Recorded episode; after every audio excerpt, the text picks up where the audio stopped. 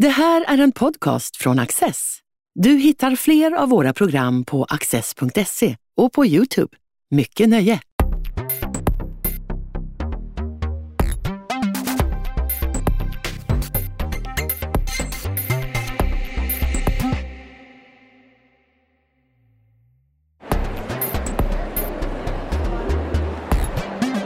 Håkan Strömberg ger oss nya insikter om Karl XII. Han jämför honom med Greta Garbo och hävdar också att det finns likheter med andra världskriget. Det finns nämligen alltid en ny vinkel att lyfta fram. Vi får insikt i Karl XIIs personliga egenskaper, i hans stridsteknik och hans förmåga att styra landet trots att han i många år var utomlands. Du ställer frågan inledningsvis, varför ska någon bry sig om Karl XII? Han är död sedan länge och hans liv var krig och elände. Och jag frågar dig, varför skriver du om Karl XII? Ja, det finns ju en, en sån här... Tråksvaret är ju att det var ju jubileet. 2018 var det ju 300 år sedan han dog. Men också var det den här tanken att Karl XII det är så många som har brytt sig om Karl XII. Karl XII har varit viktig i sådana omgångar. Han kommer tillbaka igen och igen och i lite olika skepnader. Så jag kände att varför inte skriva en crash course i Karl XII? För jag menar, tjocka böcker har det skrivits om men det här är ju så det här är ju 12 essäer som tillsammans ska ge en slags crashkurs. Har du tagit igenom de här 12 essäerna som är tämligen lättlästa, jag på att säga, så ska du i alla fall ha kläm på varför folk hela tiden återkommer till denne man i sina stora stövlar. När man läser din bok så känns det som att det här tycker du är roligt. Ja, du är jättefascinerad av honom. Och du skriver också på ett ställe att han är som andra världskriget. Det finns alltid en ny, ny vinkel att ta upp Karl XII med. Är det så? Blev du, blev du förtjust i Karl XII? Nej, jag är inte det minsta, jag är inte det minsta förtjust i Karl XII. Jag är enormt förtjust i legenden Karl XII. Jag är förtjust i myten Karl XII. Jag är förtjust i nästan verktyget Karl XII, hur han kan användas på så många olika sätt. Men jag kan ju inte ha liksom en person, jag har ingen personlig relation till denne man som varit död i 300 år. Det är inte så. Men du jämför honom med Greta Garbo? Ja, det är väl en fullständigt logisk jämförelse. Jo, jo, eh, det har sagts om Greta Garbo att, att mycket av hennes, eh, den gudomligas utstrålning är att hon kan bli alldeles blank i ansiktet. Hon kan alltså vara så att säga ett papper där du kan fylla i alla känslor du vill. Och Karl XII fungerar lite på samma sätt. Han är ju den tysta, den mystiska kungen. Han, har, han skriver inga dagböcker, han konfererar inte för, inför sina stora beslut, han har inga nära vänner, inga nära rådgivare. Han är bara ett stort mysterium. Vi ser hans handlingar men vi har ingen aning om hur karln tänker. Och det lämnar fältet öppet för oss att projicera egentligen vad vi vill på honom. Vi har gärningarna, vi har resultatet av gärningarna. Men varför? Och vi har hjältekonungen och han blir också en bild för olika politiska fraktioner. Mm. Ja. Han, han, har hunnit med mycket under ja. svängarna men han återkommer ändå hävdar jag liksom i vissa politiska konjunkturer. Det är då han blir intressant. Däremellan är han ganska död. Det finns långa perioder när han är inte särskilt intressant. Men han är ändå vår hjältekonung. Det, det som du också skriver och som, som inte jag heller har tänkt på tidigare fast jag har läst mycket om honom, det är att han, att han, dog, att han föddes 18 år före sekelskiftet och dog 18 år efter sekelskiftet. Ja, det är ett bevis på att han inte har funnits egentligen utan bara en romanfigur, tycker jag då. Ja, det är det som gör att liksom, det är därför. Men du, du börjar också i hans två krig. Det, liksom det, det, det, det stora segern och det absolut katastrofala. Mm, Narva och Poltava. Ja, Narva och mm. Poltava. Kan du inte berätta lite om det, hur du ser på det? Jo, att eh, det jag säger är att när det handlar om Karl XII så är det egentligen bara Narva och Poltava vi fastnar i hela tiden. Mm. Därför att Narva blir det, det, är liksom det stora svenska segern. Det är den här idén om att en svensk armé kommer att och möter en tio gånger så stor rysk armé och spöar skiten ur dem. Och det där har ju varit viktigt sen. Varje gång vi har fått sprö av ryssarna så har vi liksom kunnat gå tillbaka och liksom gosa ner oss i Narva och liksom tänka mm, det går i alla fall tio ryssar på en svensk. Så den har ju liksom kommit tillbaka och firats och lyfts fram. Men sen har vi Poltava i andra änden som är den där liksom nästan klassiska enorma förlusten. De har jagats genom Ryssland och Ukraina och nu står avgörande stund och, och där går det åt skrutt och sen är det slut med allt, stormaktstiden och allt sånt där. Det blir en sån vändpunkt. Mm. Och de där två, liksom, triumfen och tragedin, det, det är liksom Karl XIIs två ytter...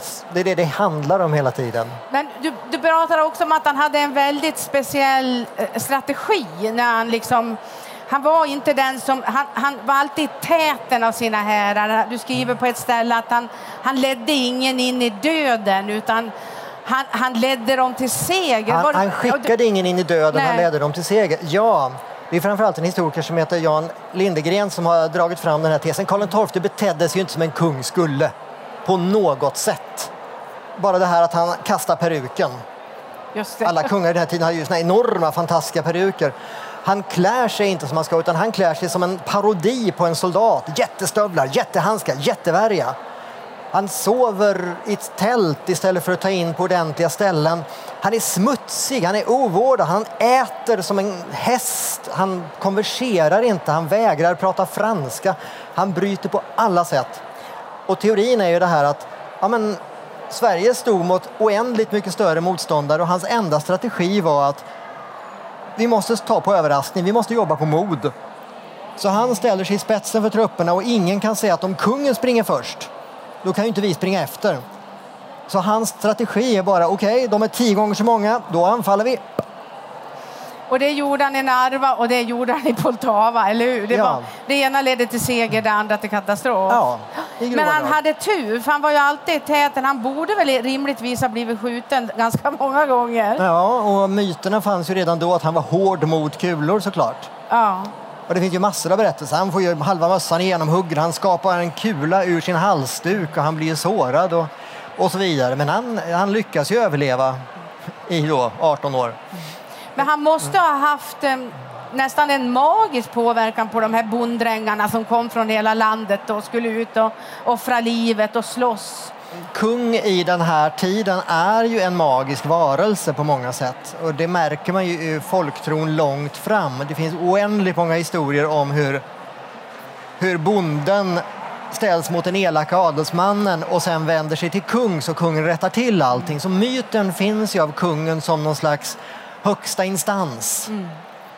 Eh, man har fogdar och annat över sig som beter sig stundtals illa och det är jobbigt men någonstans där uppe så finns kungen som kan näpsa även landets starka. Så det här är ju väldigt medvetet framarbetat att kungen skulle få en väldigt hög status. Mm. Har du fått någon hum om vem han var som människa? Alltså det blir... Ja, han är lite äcklig också. Alltså, ursäkta att jag säger det, men alltså, har du fått någon bild av hur han är som människa? Nej, det har jag inte. Men min bild av honom är väl snarast den att det här är en person som är extremt alltså, fången i bilden, den förväntade bilden. Han är enda sonen till en envåldshärskare. Han uppfostras till att bli envåldshärskare, till att kriga. Han är son och sonson till krigshjältar. Och sen dör pappa när han är 15 år. Och då så ska han liksom axla hela det här arvet. Han måste bli ditt, datt, dutt, dott. Och det där, det ska han bära. Det är väl det, det som har format honom då? Ja, och han kan inte dela med sig av den här bördan och då blir han den här extremt ensamma kungen och han har hela tiden arvet över sig så han kan inte kompromissa, han kan inte backa, han kan inte vika ner sig. Det finns bara framåt mm. hela tiden. Anledningen till att jag sa att han var lite äcklig det är att, att han, liksom, han tvättar sig inte. Han, han åt och, med sov med kläderna på, det gick mm. raka vägen ut. Och... Ja. Jo, men det är den här teorin om att det här är, han är all in, han är en soldat bland soldater och jobbar verkligen på det. Men, men som jag också tar upp här, att, men han är ju inte ointresserad av sitt utseende. Han rakar sig konsekvent. Och när han blir avmålad är han enormt noga med att det ska bli naturalistiskt. Det ska alltså inte bli förskönande på något sätt. Varenda ärr, varenda liksom blämma ska vara med. Det visar hans krigshjältestatus? Eller? Ja, så han är extremt medveten om sitt yttre Men i den bilden av hans yttre så ingår det att han ska inte tvätta sig, inte byta kläder, inte, utan han ska dela sina soldaters villkor hela vägen. Han är ganska brutal också. Alltså man tänker, du har flera berättelser om hur han hugger huvudet av hundar och den här björnhistorien. Ja, men alltså mycket av det här är ju, är ju tiden. Det var så då, eller? Ja, men adeln är krigare och kungen är spetsen av adeln. Och det finns liksom inte ett utrymme för... Jag höll på att säga, det finns inte ett utrymme för att vara mjuk i den här tiden. Mm. Som man säger om, om fältherrar på den här tiden. Om du är legosoldat och ska ansluta dig till en fältherre, ja då vänder du inte till en som som mesar utan du vänder dig till hårdast möjliga för det är han som kan pressa mat ur bönderna. Det är han som kan se till att storma städer som kan ge dig möjlighet till plundring. Mm. Så att vara, ha ett rykte om sig att vara omänskligt grym vid den här tiden det är ju ett vinnande koncept för en fältherre. Mm. Och ändå hade han Pompe. ja, han hade Pompe. Och så har han egen gravsten. Ja, ja. Om det nu är sant. Ja, ja. NSE är ju då alltså om Pompe, kungens hund. Ja. Och, och, den har ju blivit ihågkommen för framförallt en dikt som ju folk fortfarande kan recitera. Mm. Och Pompe har ju blivit, ja, som jag skriver, att det är, jag känner en gymnasielärare, hon hävdar att hennes elever hade myntat uttrycket Pompekunskap. Det är alltså kunskap om någonting som är totalt värdelöst. Men Pompe har alltså levt kvar som en slags ja, men, någon mänsklig glimt, något litet, litet fönster in i Karl XIIs själsliv så har den här kärleken till den här hunden mm. ändå levt kvar. Mm. Du, eh, du ställer också frågan, hade Karl XII någonsin sex? Du var tvungen att ta upp det, ja. Mm. Ja. ja. Men han, har inte, han gifte sig inte? Han är ju den enda svenska kung som, som inte gifter sig. Och detta trots att han hinner nå en, en ganska stabil ålder på en bra bit över 30 innan han dör. Mm. Och det är en märklighet hela vägen. I synnerhet som i den här tiden så är ju ett äktenskap är ju en kunglig allians. Mm. Jag menar, hur ska du få någon att, eh, att alliera det med? Men han gör det inte, han gifter sig inte. Och det hade väl varit en sak. Men andra kungar de lämnar ju efter sig ett pärlband av kända oäkta, som det heter då, barn med olika mätresser och tillfälliga älskarinnor och vidare. Det finns inga sådana berättelser om Karl XII. Det är bara blankt. Och det är liksom inte så att han kan göra något i hemlighet för han är ju uppassad 24 timmar om dygnet. Mm. Så den stora frågan är ju varför? Vad? Vad är det? Och i en så sexfixerad tid som vår så blir det ju nästan varför då? Vad höll han på med? Vad har du för idé om det då? Jag, jag har ingen idé om det utan jag spekulerar i lite varianter. Ja. Eh, han kan ha varit homosexuell i all enkelhet men det finns inga legender om berättelser om någon man heller. I romantiken tänker man sig att det, han var kär, den ungdomskärlek han inte kunde få och sen dess så blir det inget mer. Men jag är väl lite inne på det här att ja, men han levde i en väldigt stark sexualmoralisk tid som han var uppfostrad i. Så han kan helt enkelt ha fått alltså, direkt beröringsskräck för det sexuella redan som barn. Men, men det, det var å andra sidan, det skilde inte hans uppfostran från någon annan kungs uppfostran. Så jag har inget svar på detta. Det visst, visst visar han ändå lite kärlek till sina systrar på något sätt? Eller? Han skriver ju till sina systrar och han kan vara någorlunda personlig i de breven. Men det är fortfarande, det är fortfarande brev av ett slag som man kan känna att han, det är en offentlig handling. Mm. Alltså det är fortfarande tanken att det här kommer att läsas av andra än dem. Han erkänner ju liksom ingen, ingen direkt rädsla eller sorg eller ånger i dem. Och efter katastrofen vid Poltava skriver han hem att vi hade ett litet litet problem här men vi ska snart ha löst det. Mm. Vad heter det? Det, det? Du tar också upp alla myter. Det finns ju väldigt mycket mm. myter om Karl XII.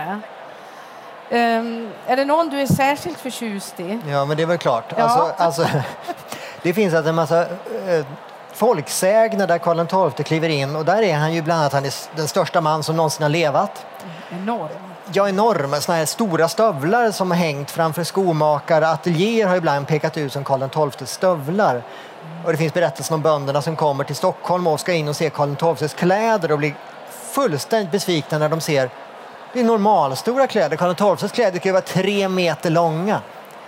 Men min favorit är ju ändå den här eh, legenden om att han krigar sig ända ner till Rom och travar in till påven som sträcker fram foten för att få den kysst och Karl XII drar sin värja och säger dra tillbaka foten gubbe annars hugger jag av den. Det säger liksom någonting om bilden av Karl XII som den, eh, ja men dels den här burleska soldaten och samtidigt också om den här omutligheten. Han krusar inte för någon, varken kejsare eller påve. Och den bilden har ju liksom, är en av bilderna av Karl XII. Odlade han myterna själv, tror du, i form av hur, i sin, alltså hur han agerar i sin roll som kung och, och krigshjälte? Och... Ja, det lär han ju ha gjort. Alltså det här att han, inte, att han placerade sig själv i strategiskt farliga positioner. Men också att han startade ju såna här vilda ritter de gjorde, att man satt upp och red iväg och, och, och höll sig. Så ja, han odlade, odlade myten. Eller också var han sån. Mm. Det, återigen, jag vet inte. Det är svårt att veta detta. Mm. Men det är väl sannolikt att tro att han till viss mån i alla fall odlade myten mm. av sig själv som soldatkungen. Mm. Men du, han var ju inte bara brutal och soldat. Och, han hade ju kontakt med Kristoffer Polhem och Swedenborg. Mm. Och de, han hade dem som sina lärare, eller hur? Eller? Ja, de kom väl dit i andra ärenden, men han hade ju en massa andra intressen. Mest känt är ju när han satt och pratade matematik med Polhem då. Och han hade massor av sådana intressen som poppar upp ibland för arkitektur. Han satt och målade, alltså eh, designade fanor. Han hade massor av sådana intressen som man alltid kan fråga sig om hans liv inte hade blivit ett oavbrutet krigande, vad hade han tagit fasta på då? Men du, visst utformade han ett eget matematiskt system? Också? Ja, han kom ju fram till att 64 var en bättre bas än 10 så han tog ju och ägnade en natt åt att då tänka ut 64 ental med symboler och namn som väl dessvärre inte finns kvar, men i alla fall då, sen skulle man då bygga därifrån. Mm. Lite tufft att lära sig 64 ental, men, men eh, matematiskt är det säkert mm. intressant. För han hade ändå på något sätt ett, ett annat intresse än krig. Eller? Ja, ja, alltså det är ju lite orättvist att skylla det, för han är ju upplärd till krig. Han får ju ett eget regemente redan som barn. När han ska lära sig latin får han ju läsa alltså Julius Caesars galliska krig. Det är ju krig som är någon slags det yttersta kungligheten i det hela. Men som sagt, runt omkring det så kan han ju ha vilka intressen som helst och, och vilka, vilken nyfikenhet som helst. Men allt överskuggas ju av krig därför att dels han fostras i krig, det blir krig, hans liv är krig, han dör i krig. Ja. Och han lever större delen av sitt liv utomlands, eller hur? Ja, eh, eller i alla fall hälften. han är ute i bra många år i alla fall. Ja. Hur styr han Sverige då? Ja, det är det. Framförallt när han ju sitter ju fem år i det Ottomanska väldet, alltså det, Turkiet är en liten rest av det idag.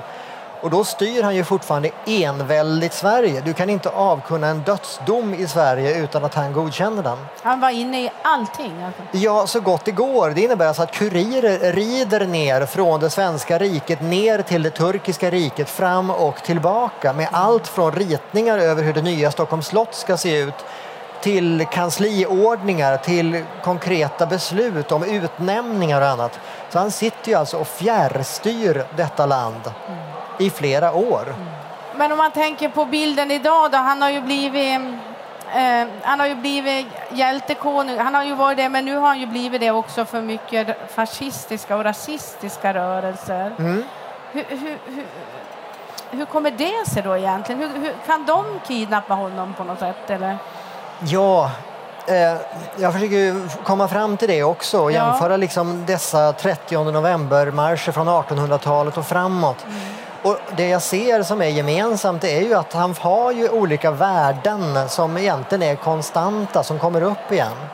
Det ena är den här idén om Karl XII som svensk, som bärare av svenska värderingar som är väldigt starkt på 1800-talet mm. och som går att anamma av, av nationalistiska rörelser utan problem.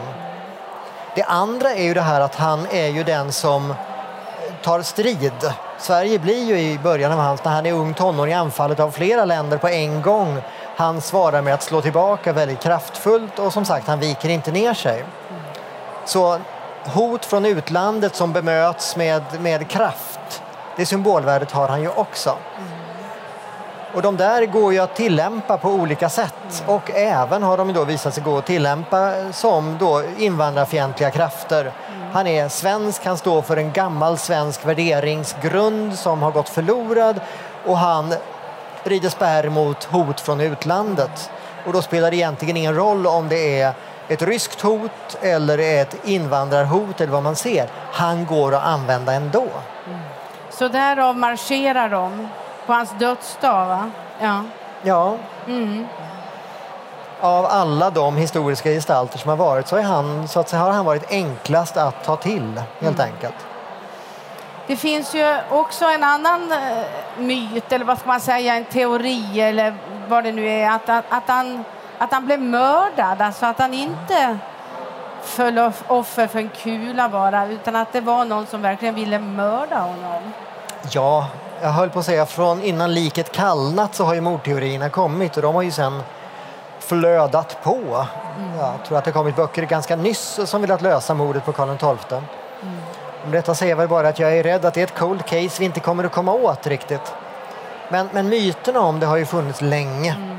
Och tänkbara gärningsmän har ju pekats ut naturligtvis. Mm. Ja, vad har du för, vadå, vilka, vem, vem var tänkbar gärningsman? Eh, grejen är ju den att han kommer hem från 15 år utomlands, krig fortsätter, han har inga barn och frågan blir ju, han kommer väl förr eller senare att dö och ingen är självklar efterträdare så det börjar ju grupperas och formeras då runt olika tänkbara efterträdare. Där hans systerson är den ena och hans svåger är den andra.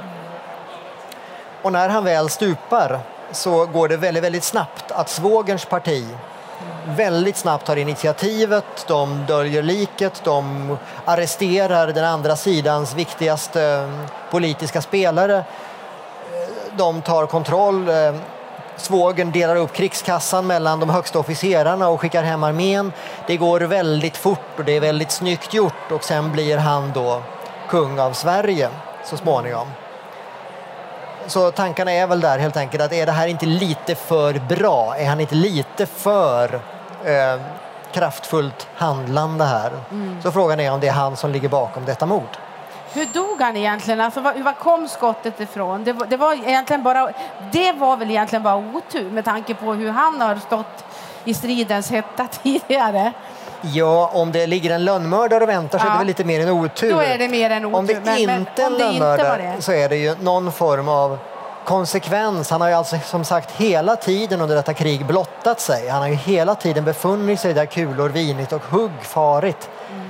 Och nu är de och håller på med en belägring in i Norge. Det grävs skyttegravar närmare och närmare den norska befästningen. Kungen går ut för att inspektera arbetet, klättrar upp lite sådär och lägger sig med armarna över, över kanten så här och ligger och tittar i mörkret med huvudet då fullt synligt. Pang. I den, pang och han får ett skott i tinningen och mm. dör omedelbart.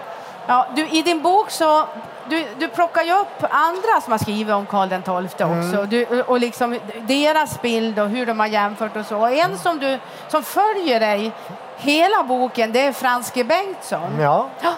Vad skulle du säga skiljer Franske Bengtssons syn på Karl XII från din syn? Och han är ju, han är ju rasande. Nej, men, eh, han skriver på 1930-talet och om vi ser att Karl XII har en väldigt stark position på 1910-talet. Sen kommer första världskriget och punkterar hela den här krigsromantiken, nationalromantiken och Karl XII åker ut ganska hårdhänt. Men Franske Bengtsson är en konservativ romantiker och för honom är Karl XII en hjälte. Så han skriver den här boken väldigt mycket i, i harnesk mot alla de samtidshistoriker som avfärdar Karl XII, dömer ut honom, en krigsgalning som bara var ett elände för Sverige. Så hela hans bok är ju ett, ett, försvar, ett frustande försvarstal för Karl XII. Min syn på Karl XII är ju i en pacifistisk värld, höll jag på att säga, eh, sena 1900-talets, tidiga 2000-talets värld, där en krigskung eh, alltså inte har de högsta aktierna. Jag är fascinerad av honom som fenomen och som myt. Men han är ju ingen hjälte. För, Karl, för Franske Bengtsson är han ju en, en hjälte och en missbedömd hjälte. Men vad är han för dig då? Ja, som sagt, han är en oerhört spännande historisk karaktär, myt, legend etc. Jag är, jag är fascinerad av kanske mindre honom än av de enorma möjligheter det finns att använda karaktären. Mm. Och det som du säger, jag vill bara, bara återknyta till det, att det gäller att skriva om honom, annars kan man tro att han är, han är så osannolik så att han aldrig har funnits, eller hur? Mm. Ja, det, det, känns ibland som det här är en picaresque-roman av en författare med alldeles för mycket fantasi när man liksom går igenom Karl XIIs historia. Du, du har haft roligt när du har skrivit boken? Ja, men det har jag. Mm. Du töjer på gränserna? Ja, men det, det måste man. Du. Ja, okej, okay, då gör jag det. Jag ja, men, ja, men alltså ja. liksom du vågar något nytt menar jag. Jag menar inget negativt i det. Du vågar något nytt. Ja, alltså det finns ingen anledning att hålla Karl XII på, på någon slags piedestal. Utan han är en historisk gestalt. Vi måste kunna vrida och vända på honom. Jag har ju med ett kapitel om filmen Kalabaliken i Bender från 80-talet som är också en sån här fantastisk historia hur man försöker göra någonting nytt av Karl XII. Mm. Tror du han kommer att leva vidare om 300 år? Jag tror att han kan finnas kvar, men också det här att när Karl XIIs aktier stiger, då ska man dra öronen åt sig lite grann. Därför att han har en tendens att dyka upp och få kraft och bli intressant när det, när det luktar krig. Eller när det finns ett intresse av, av en mer konfrontativ eh, politik. Då dyker Karl XII upp. Eller nationalism kanske? Ja, så länge Karl XII vilar i frid, höll jag på att säga, så är det faktiskt ganska bra. Tusen tack Håkan! Du har just lyssnat på en podcast från Access. Du vet väl att vi också är en tv-kanal och tidning? Teckna en prenumeration idag på access.se.